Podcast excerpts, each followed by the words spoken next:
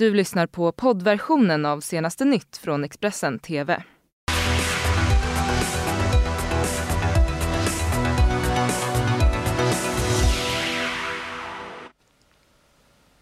God morgon, det är torsdag den 6 februari och det här är våra rubriker. Legendariska skådespelaren Kirk Douglas död blev 103 år gammal. Trumps reaktion efter senatens friande dom. Och minst tre döda och 179 skadade efter flygkraschen i Turkiet. Planet eh, bröt sönder i tre delar. Men vi inleder med eh, Expressens eh, David Bas eh, granskning. Vilka är svenskarna som hyllar IS och slussar ner pengar till Syrien genom slutna grupper på Facebook? Expressens reporter David Bas han har under flera månaders tid gått under alias Abu Jaber och tagit sig in i grupper där man skriver att man vill införa sharia-lagar och där man postar bombsymboler under nyheten om en kvinnoledd moské. Bas har också pratat med terrorforskaren Magnus Ranstorp och IS-experten Mikael Krona för att prata mer om radikaliseringen på nätet. Här stöttar de svenska IS-anhängarna terrorsekten samtidigt som de tigger pengar till spillrorna av kalifatet. Expressen har under flera månader följt den interna propagandan i jihadistgrupper på nätet. Expressen avslöjat hur IS-rekryteraren Ulrika Pape, också känd som svärmor till IS-terroristen Mikael Skråmo, samlat in pengar för att skicka ner till Syrien. Jag kan bara säga att jag vet inte vad du talar om. Vi kunde närma oss Pape efter att under ett påhittat namn ha tagit oss in i den svenska jihadistmiljön på nätet. Mikael Krona är medieforskare som under sex år har studerat IS på nätet. IS som organisation har nästan blivit, de har blivit starkare sen Europol försökte stänga ner Telegram. Därför att det gjorde bara att de fick incitament att expandera sin onlineverksamhet och det gäller ju också supportrar. De, de har också blivit mycket mer aktiva därför att nu finns de på fler plattformar.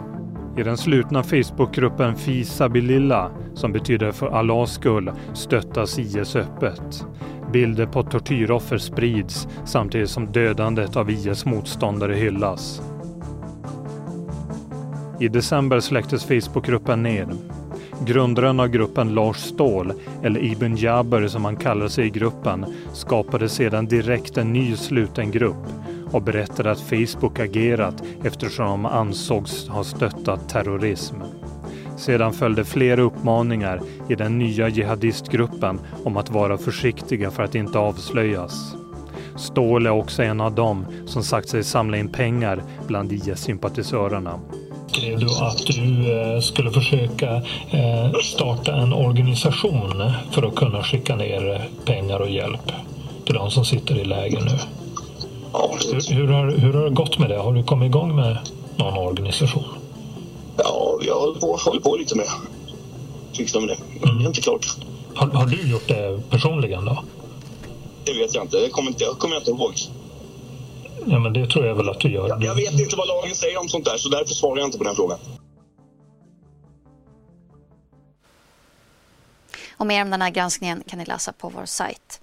Den legendariska skådespelaren, regissören och författaren Kirk Douglas har dött. Eh, Douglas han var ju unik i Hollywood och få kan matcha hans karriär som varade i över fem decennier.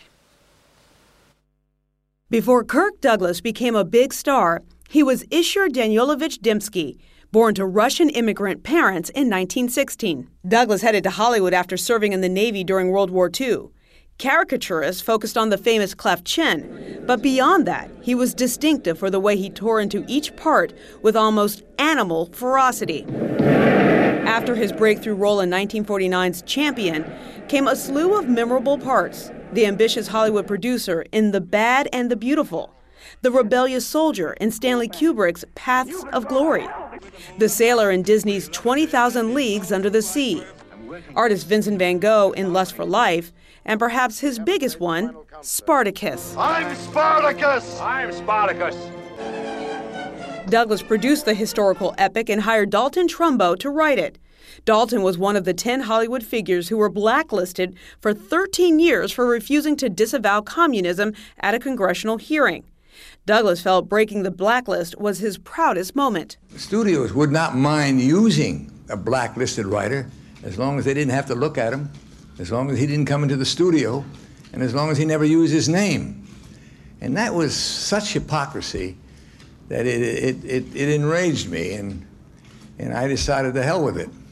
I'm, going to, I'm producing Spartacus, and I'm going to use Dalton Trumbo's name. Douglas performed in more than 80 films, produced almost 30, and directed two.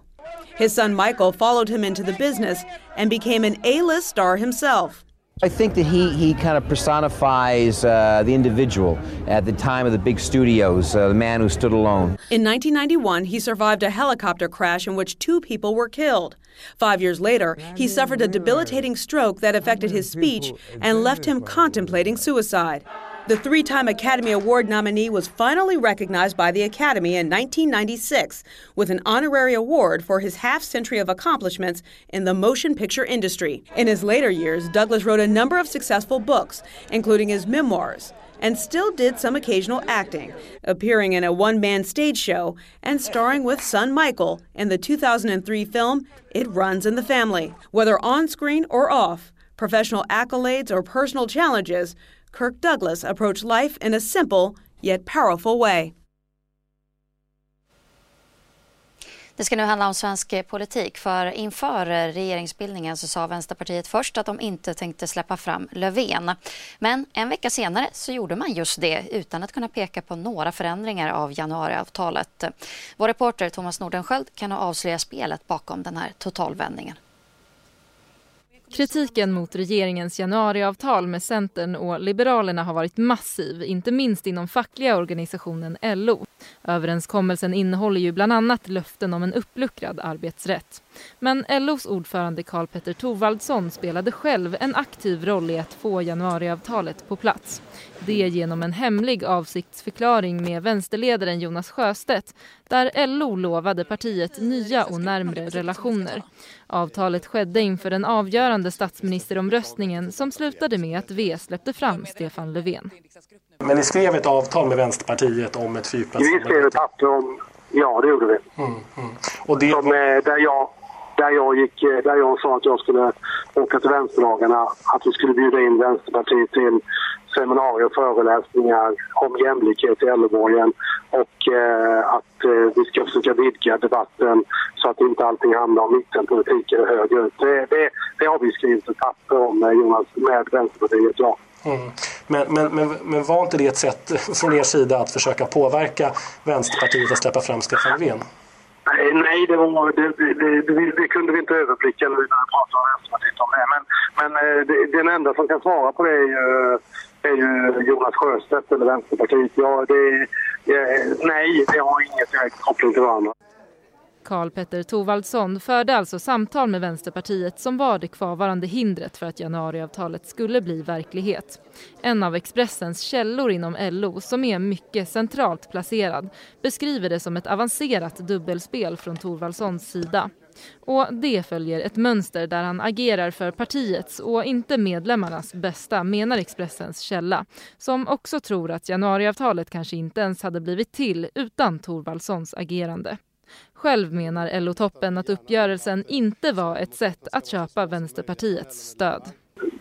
Det är klart att inte Vänsterpartiet bestämmer sitt agerande om jag kommer till vänsterdagarna och Jonas Sjöstedt får komma till LO-styrelsen. De har naturligtvis haft en jättelång strategisk debatt i Vänsterpartiet eh, innan de fattar sitt beslut. Men eh, eh om, hur mycket det har påverkat och vilken inflytande det kan ju bara Vänsterpartiet vara på. Jag har ju ingen tillgång till eh, debatterna och diskussionerna i Vänsterpartiet. Polisen och räddningstjänsten de har fått in ett larm om en explosion på Enedalsvägen i Södertälje eh, under natten till idag. Enligt eh, den operativa chefen för Södertörns eh, brandförsvarsförbund, Roger Magnusson, så är det en bil och det ska vara någon form av explosion.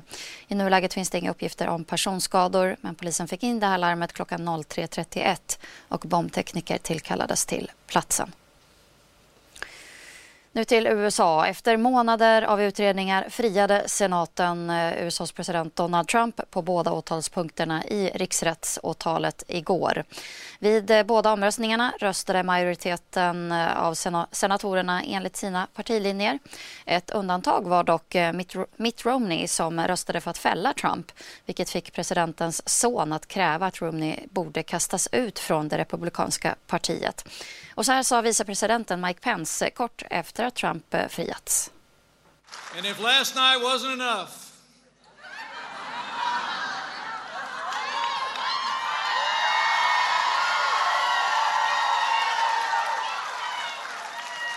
Just a little while ago, the United States Senate voted to acquit President Donald Trump of both articles of impeachment.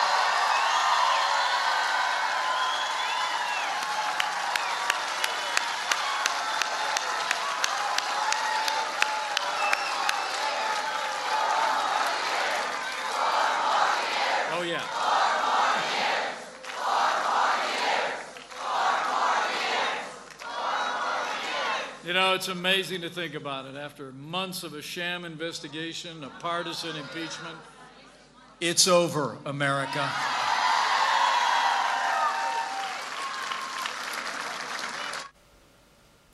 Och Donald Trump han väntas eh, hålla ett uttalande klockan 18 ikväll, alltså svensk tid. Det bevakar vi såklart. Ett flygplan gled igår av landningsbanan, landningsbanan på Sabina Göschen flygplatsen i Istanbul och bröt sönder i tre delar vid landningen. Enligt BBC som hänvisar till turkiska myndigheter så har minst tre personer omkommit eh, och 179 skadats. Orsaken till den här olyckan uppges vara en hård landning. Turkiska tv-kanalen NTV rapporterar att planet landade trots väldigt hårt och blåsigt väder på flygplatsen och trots att två plan innan hade väntat med att landa på grund av vindförhållandena. Jag skulle nog vilja påpeka här att eh, Turkiet, jag höjer ett varningens finger för turkisk flygsäkerhet. Det var bara ett år sedan ungefär som eh, Pegasus förlorade ytterligare ett flygplan av samma typ som gled av banan i Trabzon i också efter en turkisk inrikesflygning och eh, rasade ner för en slänt mot en strand. Eh, alla överlevde där också, men flygplanet blev skrot. Det gäller också Turkish Airlines som är det nationella flygbolaget. Man har en ganska bra passagerarstatistik vad gäller inte så många dödsoffer, men man har ett ökande och abnormt antal flygolyckor där flygplanen blir skrot och ofta, onormalt ofta i landning. Bilder och filmer eh, visar hur det är inne på fartyget Diamond Princess eh, där alla passagerarna sitter i karantän efter att tio personer konstaterats ha smittats av coronaviruset. Den brittiska resenären David Abel sänder live dagligen från det här kryssningsfartyget och han är ändå på gott humör trots den spöklika stämningen på fartyget.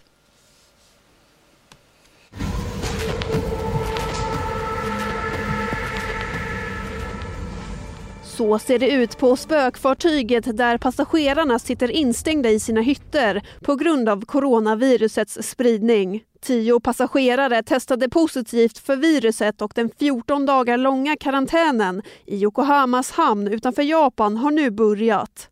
David Abel är en brittisk resenär som befinner sig på båten och han beskriver hur personal delar ut mat till ett rum i taget till de instängda passagerarna. So it's been a very interesting first full day of quarantine at sea.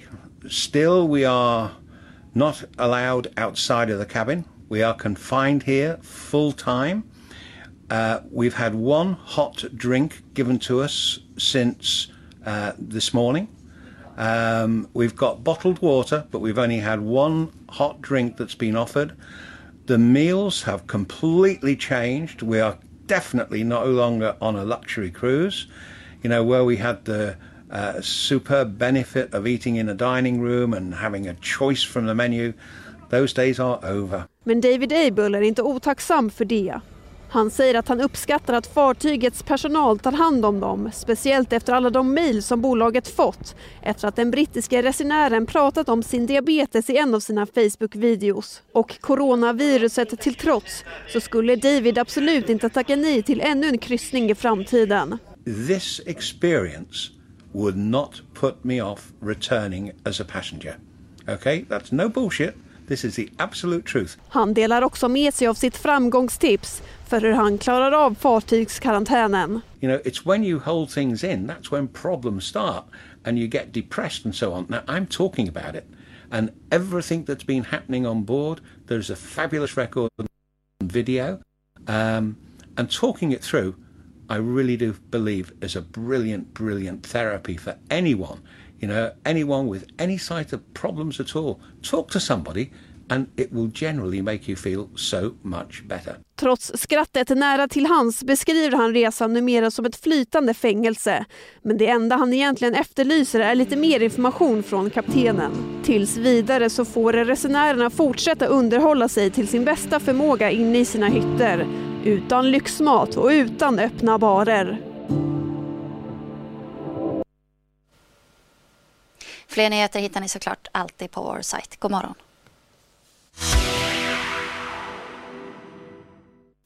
Du har lyssnat på poddversionen av senaste nytt från Expressen TV.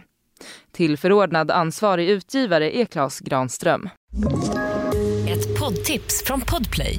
I fallen jag aldrig glömmer djupdyker Hasse Aro i arbetet bakom några av Sveriges mest uppseendeväckande brottsutredningar går vi in med hemlig telefonavlyssning och, och då upplever vi att vi får en total förändring av hans beteende. Vad är det som händer nu? Vem är det som läcker? Och så säger han att jag är kriminell, jag har varit kriminell i hela mitt liv men att mörda ett barn, där går min gräns. Nya säsongen av Fallen jag aldrig glömmer på Podplay.